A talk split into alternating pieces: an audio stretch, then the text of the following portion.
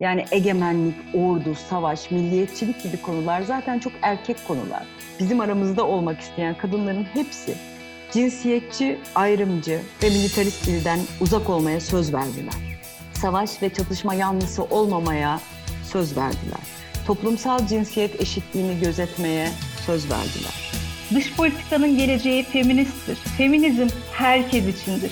Feminizm eşitliktir ve biz bu hayalin peşindeyiz. Haber podcastle buluştu. Kısa Dalga yayında. Bizi Kısa Dalga Net ve podcast platformlarından dinleyebilirsiniz. Merhaba, Dış Politikada Kadınlar İnisiyatifi olarak Kısa Dalga Podcast için Dış Politikada Kadınlar Diyor Ki başlıklı bir podcast serisine başlıyoruz. Bu seride dünya siyasetinde ve Türkiye dış politikasında olup bitenleri, toplumu, dünyayı ve insanlığı ilgilendiren birçok meseleyi kadın akademisyen, gazeteci ve uzmanlarla tartışacağız. Ancak önce dış politikada kadınlar inisiyatifini sizlere biraz tanıtalım istiyoruz. Ben Özlem Kaygusuz, DPK'nın koordinatörlerinden biriyim. İlk olarak DPK kurucularından Zeynep Alemdar'dan DPK'nın kuruluş öyküsünü dinleyelim. Zeynep klasik bir giriş yapalım. Dış politikada kadınlar inisiyatifini kurmak aklına nasıl geldi? Bu fikir nereden çıktı? aslında çok uzun zamandır aklımızda olan bir şeydi. Bir yandan da kadın uluslararası ilişkiler akademisyenleri olarak kesinlikle önleyemeyeceğimiz bir girişimdi bu. düşünün ki bir uluslararası ilişkiler ya da siyaset bilimi hocasısınız ve sınıfa giriyorsunuz. Hem cinsiniz öğrencilerden hiçbiri dış işlerinde çalışmak ya da politika ile ilgilenmek istemiyor. Oysa e, erkek öğrencilerinizin büyük bir kısmı politikacı ya da bürokrat olacaklarından gayet eminler.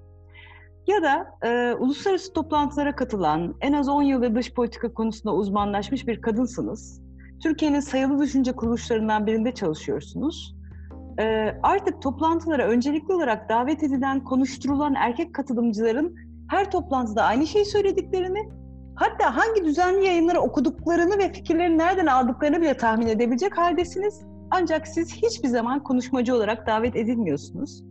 E, ve o elit toplantıların bir parçası olamıyorsunuz. E, dolayısıyla bu şekilde e, çok farklı engellerle, hiç tahmin etmediğimiz, içine girmeden göremediğimiz çok farklı engellerle karşılaştığımızı fark ettik. Bu aynı şekilde doktor öğrencileri, genç akademisyenler, e, herkes için geçerli. E, bizler de dedik ki e, acaba Buna bir alan sağlayan e, kadın dostu bir yer e, kurabilir miyiz? Christina Beach ve Rana Birden'le beraber 2014 yılının sonlarına doğru e, dış politikada kadınlar e, platformunu, inisiyatifini kurmaya karar verdik. Peki ne tür engeller yani sence bu engeller? Bunlar aslında hani hem birazcık bizim e, disiplinimizle alakalı. Yani uluslararası ilişkiler çok fazla e, dili bakımından, yani egemenlik, ordu, savaş, milliyetçilik gibi konular zaten çok erkek konular. Ee, bir yandan böyle dertlerimiz vardı. Ee, bunlar gerçekten hep erkeklikle ilişkilendirilmiş alanlar olduğu için e, uluslararası ilişkilerde kadın sesleri biraz daha cılız duyuluyordu. İkincisi de e, çok fazla feminist akademisyenin e, bildirdiği gibi e, veri azlığı ve bilgi eksikliği aslında. Yani kadınların karar alma mekanizmalarına katılmalarının e, aslında savaşı, örneğin iç savaşı nasıl engelleyebileceği üzerinden. Parlamentolarında kadın sayısı yüksek olan ülkelerde iç savaşın, e, siyasi tutuklamaların, işkencelerin, gözaltıların daha az olması üzerinden gibi aslında çok fazla çalışma var. Fakat bu çalışmalar nedense e, herkese ulaşmıyor. E, bir de bu bilgi vardı. Dolayısıyla biz bunların bu bilgileri birazcık daha ya da örneğin barış süreçlerine katılımlarının kadınların e, dünya siyasetini ya da ülkelerin siyasetlerini nasıl farklı etkilediğini de çok gördük ki bu Covid-19 e, krizinden sonra da e, dış politikada kadınların notlarında da bunları gördük. Yani e, kadın liderlerin bunu nasıl daha iyi ele aldıkları, e, nasıl uzun zamanlı değil mi eğitime ve sağlığa yönelik farklı politikalar uygulayabildikleri üzerinden de gördük. İşte kadınlar kendi deneyimleriyle farklı çözümler getirme ve uzun dönemli çözümler getirme konusunda biraz daha becerikliler bunların öne çıkmasını istedik. E, dolayısıyla bu engeller aslında bizi e, birazcık da dış politikada kadınlar gibi bir e, platform kurarak, bir inisiyatif kurarak e, kadınların seslerinin birazcık daha gür çıkmasını istedik.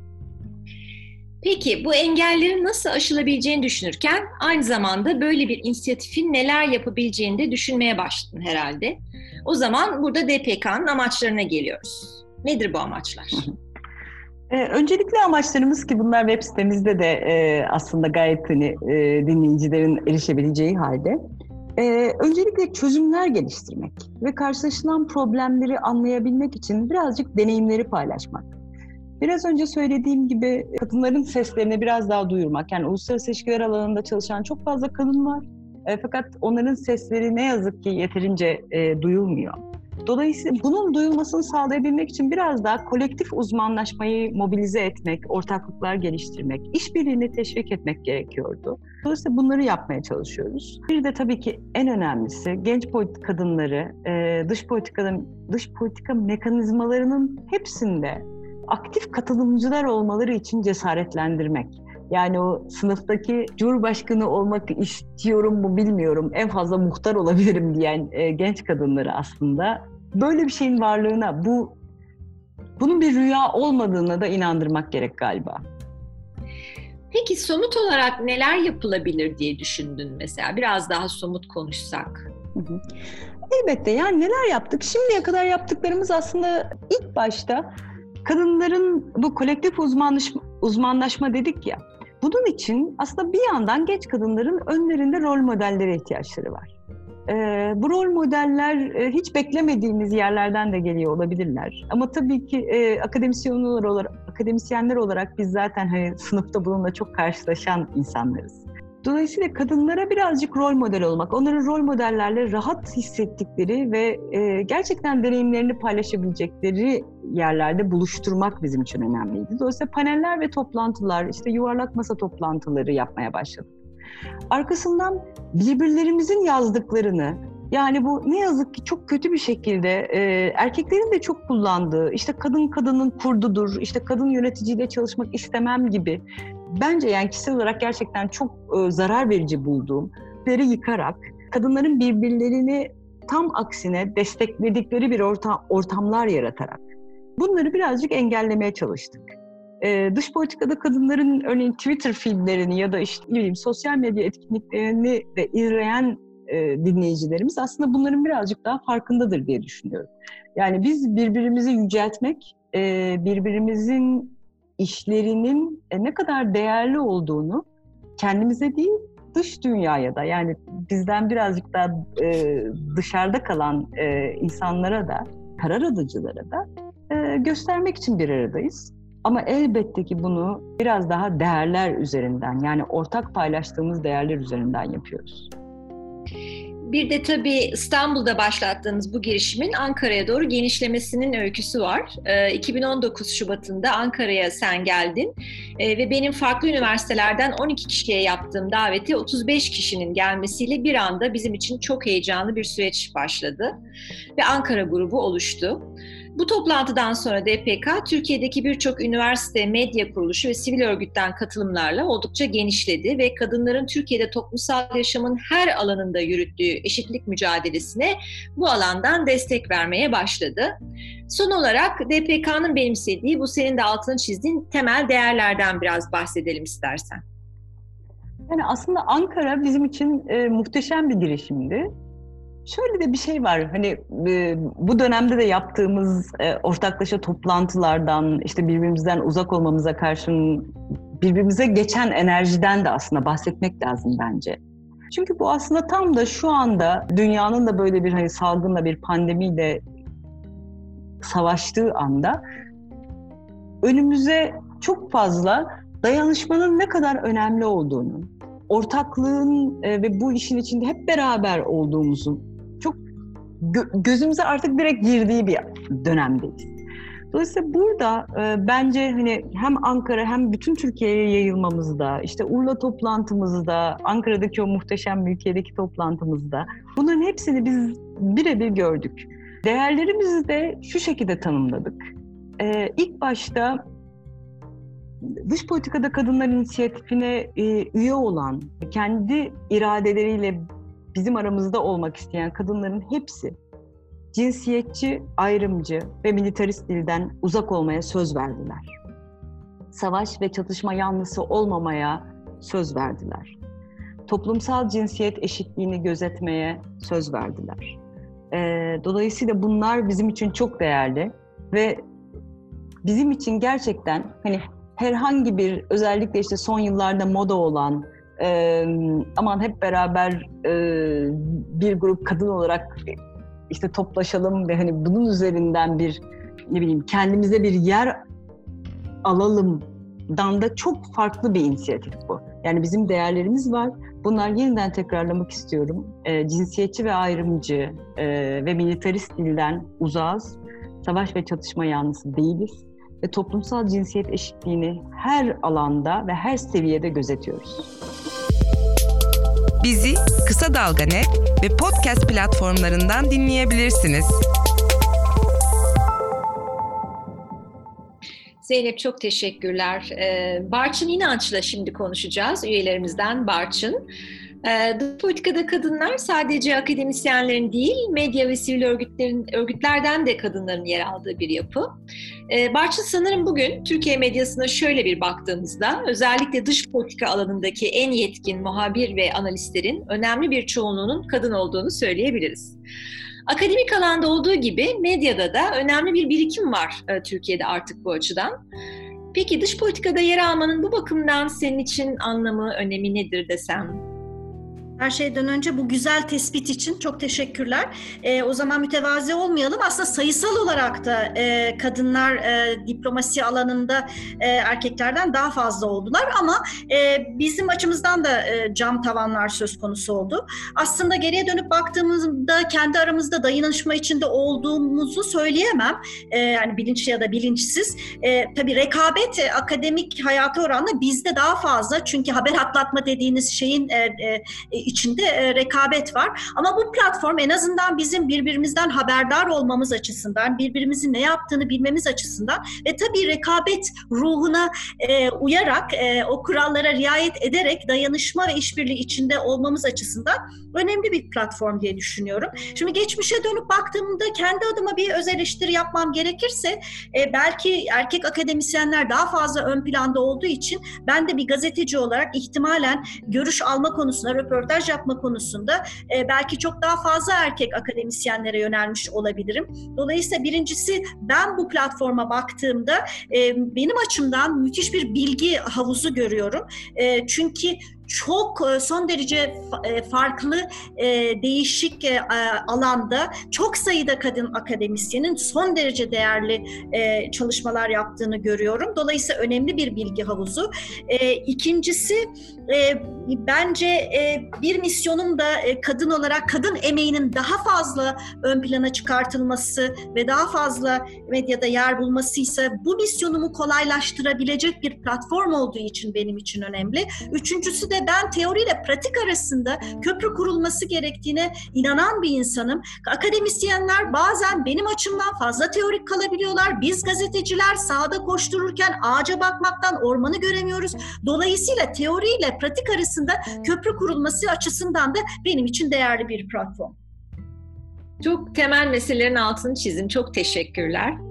Ee, Başak Alpan, e, üçüncü olarak seninle konuşalım. Ee, kongrelerde ve akademik toplantılarda bir araya geldiğimizde e, Türkiye'de uluslararası ilişkiler alanında bir kuşak değişimi yaşandığını hepimiz görüyoruz. Son 20 yılda alandaki kadın akademisyen sayısı adeta dörde katlandı diyebiliriz. Ama daha da önemlisi bu akademik topluluk sadece kadınlar değil erkekler tarafından da bir toplumsal cinsiyet bakışına sahip. En azından meseleden haberdarlar. Dış politikada kadın, kadınlar içinde yer almak senin üniversiteye ve feminizme bakışında nereye oturuyor desem? Ee, senin de söylediğin gibi yıllar içinde hem akademi hem e, feminizm çok değişti. E, akademide kadın sayısı arttı. Uluslararası akademik e, ortamlarla etkileşim çok arttı. E, normlar değişti. Şimdi norma, normlar değişti derken hem e, iki şey kastediyorum aslında. Ee, bir yandan akademi e, bu neoliberal rüzgara e, karşı koyamadı ya da koymadı. İşte performans, görünürlük, e, altı doldurulmayan bir gayretkeşlik, akademik niteliğin önüne geçti. Ama bir yandan da e, bu korkutucu hiyerarşiler zayıfladı akademideki. İşte skolastik e, ilişkiler bir kenara bırakıldı ve e, niteliksiz çalışmaları e, bize akademik özgürlük diye e, yutturmaya e, çalışma e, şeyi e, çok fazla zayıfladı. E, pozisyonu zayıfladı diyeyim. E, peki bunların feminizmle nasıl bir ilgisi var? E, feminizm de tabii yıllar içinde oldukça değişti. E, bunun en çarpıcı sonucu e, feminizm artık marjinalize olmuş, uçuk kaçık, toplumdan soyutlanmış, e, dışlanmış e, kadınların e, değil, e, fabrikada, e, üniversitede, AVM'de, plazada çalışan, e, yaşayan kadınların ve erkeklerin e, meselesi olduğu ortaya çıktı e, dünyayı kadınlar yönetsin ya da işte bu e, Amazonlarda ne kadar e, güzel bir toplulukmuşun ötesinde bir feminizm e, anlatısı olduğu ortaya çıktı. E, peki bu nasıl, e, bu ne işe yaradı? Ya e, bütün bunların söylediklerimle ne ilgisi var? E, çünkü hala kadınlar öldürülüyor, hala, kadın akademisyenler, e, e, hizmet sektöründe çalışan kadınlar tacize uğruyorlar. Ama en azından konuşulan dil e, değişti. Yani az önce senin söylediğin gibi erkekler bu tamamen erkeklerden oluşan e, akademik paneller e, yapacaklarsa ikinci kez e, değiş e, ikinci kez e, düşünmek zorunda kaldılar. E, işte cool olmak için her cümlede e, cinsiyetçi küfür eden kadınlar bunu bir kere daha gözden geçirdiler belki. E, e, yani aslında feminizmin insanın kendine yakışanı giymesi olduğu ortaya çıktı. Yani feministler şöyle giyinir, solcular böyle dururun ötesinde bir dünya olduğu ortaya çıktı. Ee, bir, yani ve bu e, feministlerin, feminist düşüncenin iğneyle kuzu, kuyu kazmasıyla, günlük hayatta en ufacık şeyleri değiştirmeye çalışmasıyla oldu. E, aslında beni DPK'ya getiren en önemli şey de bu. Bu e, iğneyle kuyu kazma halinden çok mutlu olan, e, mücadele eden, e, bir o kadar da üreten, dönüştüren kadınlarla bir arada olma fikri. E, kadın kıskançlığı, kadın reka- rekabeti yerine kadın dayanışmasının akademide bize nasıl yardım edeceğini, nasıl elimizden tutup kaldıracağını e, na duyduğumuz e, inancı tazelemek istedim açıkçası. Ee, yani elbette bu kadar dünya, dünya bu kadar güllük gülistanlık bir yer değil ama olsa hiç de fena olmaz aslında. Belki de e, bunun için de EPK'dayım. Kadınlarla birlikte dünyayı böyle bir dünya yapmak için. Haber podcastle buluştu. Kısa Dalga Podcast. Kulağınız bizde, kısa dalgada olsun. Çok teşekkürler. Harika şeyler söyledin gerçekten. Evet Gizem Bilgin Aytaç, e, Gizem'le beraberiz. Yüksek öğretimde cinsiyet eşitliğini genç bir e, akademisyenden biraz dinleyelim. Gizem, e, yüksek öğretimde cinsiyet eşitliği senin gibi akademik yaşamanın başlarında bir kadın için ne anlama geliyor? Sence üniversitede kadın olmak nasıl bir mücadeleyi beraberinde getiriyor? Bu noktada da DPK'da neler yapmayı amaçladın? E, hocam aslında ben 2006'dan beri araştırma görevlisi olarak 15. seneme yaklaşıyorum. Yani süreci hiyerarşisiyle de görme şansını elde ettim. Türkiye'de akademi toplum yapısından ayrışamayacak kadar ataerkil, cinsiyetçi ve heteronormatif. E, bu bir gerçek ama e, bir yandan da akademik üretimle yan yana yürüyen bir feminist hareket var ve bu toplumsal muhalefetin çok önemli bir parçası bence 1980'lerden itibaren. E, kadınlar tabii ki e, akademik yükselmede büyük zorluklar yaşıyorlar. Yani sayıca e, büyük ölçüde alt kademelerde araştırma görevlisi, doktor öğrencisi olarak varken e, yükselmeye doğru gittiği zaman bu sayı azalıyor. Daha doğrusu aşamalar zorlaşıyor. E, burada da aslında toplumsal cinsiyet kalıplarının e, her birinin akademide devam ettiğini görmemiz mümkün. Esnek çalışma devam ediyor, yoğun hiyerarşik yapılanma devam ediyor ve bunlar da aslında klasik güç ilişkilerini oluşturuyor. Ben 2013'ten itibaren yoğun bir şekilde feminist küresel politikayı çalışan bir kadınım. E, bu bağlamda da feminist küresel politikanın gücünü çok önemsiyorum. Yani alanından da bakarak aslında e, DPK'nın önemi, DPK'nın e, misyonu bence çok önemli e, kadın barış ve güvenlik gündeminin bu ülkenin bir dış politika hedefi yapmak son derece önemli bir e, e, hedef, bir amaç. E, toplumsal cinsiyet eşitliği, toplumsal cinsiyetin ana akımını aşması, özellikle bizim gibi politika yapıcılara teorik ve pratik destek sağlayan siyaset bilimi ve uluslararası ilişkiler bölümleri, sosyoloji bölümleri, iletişim bölümleri gibi alanlar da çok önemli.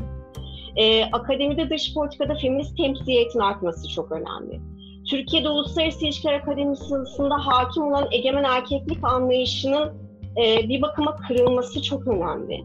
Ve e, bu e, egemen erkeklik anlayışı noktada aslında küresel sisteminde çok gerçekçi, tırnak içinde gerçekçi bir e, şekilde okunmasına neden oluyor. Bu sisteme ciddi bir müdahale etmemiz gerektiğini de düşünüyorum.